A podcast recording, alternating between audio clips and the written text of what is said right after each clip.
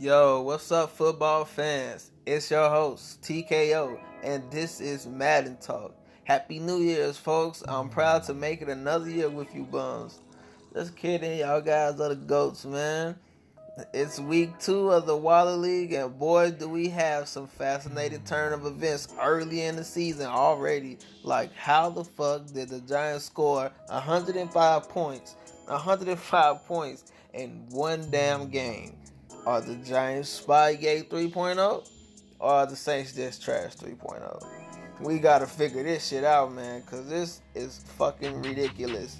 I have my power rankings already made until I actually check the games. Now I gotta redo everything. Thank you, Giants. Now, at number one, I have no choice but to put Giants at the top of the food chain. This new coach might be a great play caller. This league needs a blackmail to make him quit the league. Oh shit. Y'all was not supposed to hear that. What I meant to say was that the Giants is dominating the league at the moment. 147 points got put up in just two weeks, man. I can't even believe that shit. Somebody stop this motherfucker before the mighty Bucks have to finish him, cause we got him in week five. And if y'all can't do y'all goddamn jobs, then I'm just gonna have to take it upon myself. Like my mama always said, if you want to get something done, get something done, you gotta do it yourself. You can't send somebody else to go do the dirty work. That is so sad. Now I have to waste my fucking energy and my good play calling to take care of this man. And at number two, at default, we got to put the Falcons there just because they went to the Super Bowl. You know, and they fucking won. They didn't lose, they fucking won that shit in good fashion. They may have repeated, but this season they will be deleted. Hear my words. They haven't even played yet because the little Black Panthers coach was too busy to get his ass on the field. I'm pretty sure he would have whooped that ass. And another time, but I don't know about the Bills right now. The Bills, they kind of seem kind of nice, you know. I might have said they might have like a 0 and 16 record, but they look like they'd be pretty decent if they spend some money on that damn team and get some new players. Maybe they can be just as good as everybody else right now who've been here since year one. And the Browns sure knows they don't deserve to be ranked this high but I'll put them at three unless convinced otherwise. They lost to the Chiefs 27 to 4, and that game could have went any other way. So I wasn't going to snap on them just yet. But then they turn around and lose to the Steelers. I mean, kudos to the Steelers. I ain't, I ain't got nothing against Pittsburgh, but goddamn Browns, what the fuck? You got shut down for the first half, then Steelers gave you misery points in the second half to make the game look more respectful. Respect, respectful. Jesus, can't get the words out of my mouth because I can't even respect the Browns right now. Can't believe they was so fucking trash. Take my advice next game. Run down their throats. You only ran eight times with Kareem Hunt. These D lines around the league cannot stop the former MVP. Man. Come on now, get it together. Then we got the Chiefs at the number four spot. And it's only because they're actually playing defense this year. Bravo, bravo. Give themselves a pat on the back. They took two W's while on the road, literally took the W out the Browns' mouth, and then punch the Raiders in theirs for a quick 2 0 start. The Chiefs keep playing like this, and I actually have to answer the owner's request to finally get his interview that he's been asking for like two goddamn seasons. And I keep saying, I'm gonna get your interview, and then fucking forget. I got you this time, I promise. Some point in the future. At number five, we have the Chargers. They always sit behind the Chiefs, so it's nothing new. They're used to this shit. You know, they on blew the Raiders out 60 to 0 with an amazing cheesy, I mean, talented passing by the reborn Manziel. He had 16 completions for 446 yards and five TDs with one interception. And I guarantee you that one interception came from him trying to keep on throwing it up and testing them DBs, and they took that shit. I'm not giving no more praise other than that because it's the goddamn Raiders, and they ain't nobody. Jeez. Shit, they don't got blown out twice. Like they only scored three fucking points in the first two weeks. Is that something to be happy about?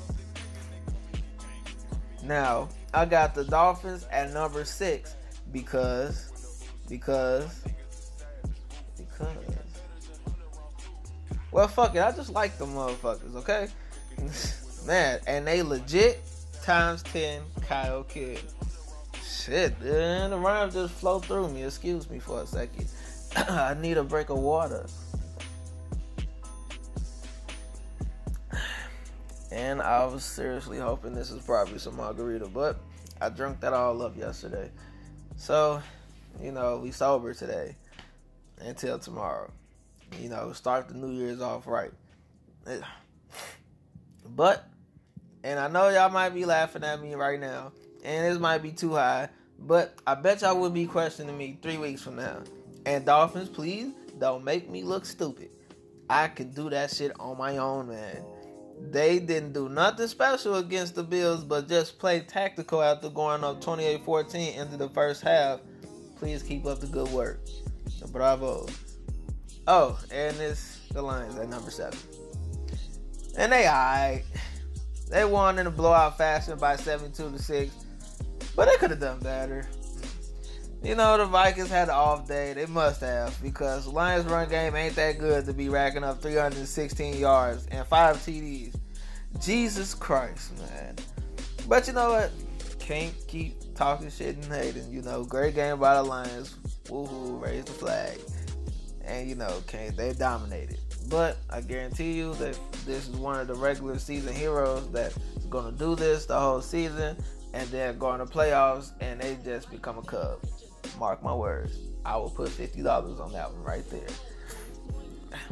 And we got the Steelers at number eight. And even though they didn't get a chance to play Bengals, I knew they would have beat them to a bloody pulp. That's for you, Tim, by the way.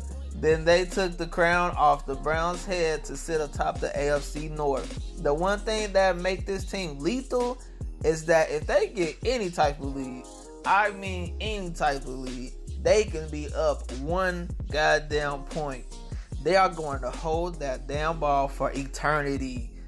Shit. I mean, that game against the Browns, they had the ball for 19 damn minutes, opposed to the Browns' mere 8 minutes. Huge difference. I call this elderly football, and I can't get mad at that strategy. It gets them W's, so just keep doing what you do.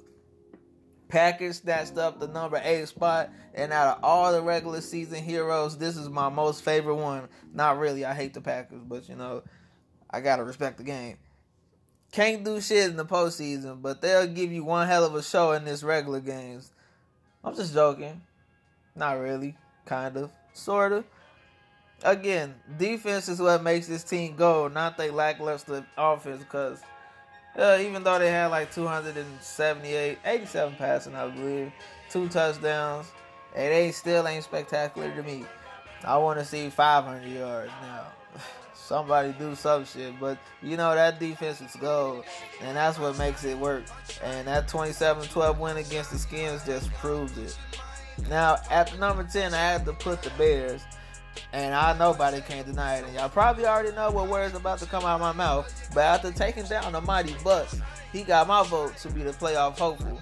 I mean, he locked Josh Adams down to make that win possible because you know the Bucks love to run that goddamn ball around motherfuckers' throats. And if they can't do that, they can't win.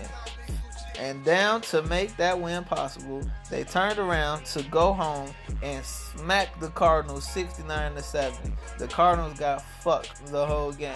The tandem of slippery Cohen and sticky handed Conley are making it impossible for defenses to stop the offense onslaught. Hopefully they can keep it up. Now that's my top 10 right there, but I still going down my full list, so don't cry. Please don't cry. Now we got the Jaggies sitting right outside the big boy house at 11. They beat the Colts 48 to 16, but Colts may be super bums, and I'm not totally convinced. They're a different team from last season. I can say their passing game is a little more efficient, and that's what I'm going to keep tabs on for the duration of the season. That's really good passing on this first game. But again, they're super bums. The coach, no, the Colts are really bums. I can't believe they even they didn't even do that shit. Like you know, even though that team don't got no major improvements, you think the user can still do a little something. But you know, can't expect everybody to do good. Now, look, the Bucks are sitting at twelve. But they're just now waking up. They've been asleep all last season. They even slept a little bit in the off season. That's why OJ Howard is not here no more. Cause who the hell told the front office to let OJ Howard go like that for nothing? But they're sleeping giants. They're waking up. Don't never mind that performance. They're gonna come back, and it's just it's gonna be amazing. Point blank. Period. Nothing else to say. They're to be in the top 10 by the next two weeks. I guarantee that. And the Rams, yet again, got gift wrapped the division. They're 13, but for now, they might be a top 10. Mm, can't even comment on that 83 to 10 win against their week two opponent in the trash 49ers. The NFC West is just fucking rigged, man. It's no way. All all three of those teams are just weak and they can't do shit against the Rams. Somebody gotta be a formidable opponent. Now, I'm in confusion because I see teams whooping the dog shit out of their opponents and then leaving the team completely. Like the Bengals, because the Bengals wasn't there in the first week, and then the second week beat the dog shit out the Eagles. So God damn. And by the way, Eagles, you're going to be at number two for your awful play because you just suck. And if you haven't showed up to the field to play your opponents or just incredibly bummy, should you even be mentioned like that? Hmm. I really don't think so, but I'm still gonna have you on this list, and I'm gonna tell you exactly where you stand at next time. Play better, or actually come to play. Play shit. You want to win, don't you? Now, these are honorable mentions because Ravens and Redskins they they they, they didn't suck, nor did they miss a game, but they just what else is to really fucking say? I still don't have no really no info on Ravens because I haven't watched the game, and Redskins is just they just be in limbo to me. Just never catch my eye. But I promise you, next time I'm gonna have something to say unless you just really play trash the next game. So please don't do that because I'm prepared to talk more shit than praise right now. So at 14, I got Ravens. At 15, I got Redskins. 16, the Cowboys. 17, the Bills. 18, Patriots. 19, Bengals. 20, Seahawks. The 21, the Broncos. Trash. You need to get up out of here. 22, Jets the 23rd spot, Colts. The 24th, the Cardinals. 25 Panthers. They've been begging to play. They about to get their ass whooped. They about to be on it too, so it's coming soon. The 26, the Raiders. 27, the Titans. 28, 49ers. The 29th, the Texans. And Texas coach might not even show up to any more games after that first loss. You heard it here first. The 30th, the Vikings. Vikings, please get it together. You're not as trash as you looked in the first game, please. 31, the Saints. Oh my God, bro. Can you please play like you're somebody? I'm tired of having the same trash motherfucker in the same division. You make our division look bad. And then at 32 is the Eagles. You better spend like a fucking hundred dollars right now so you can get a good ass team surrounded by you because you ain't gonna make it.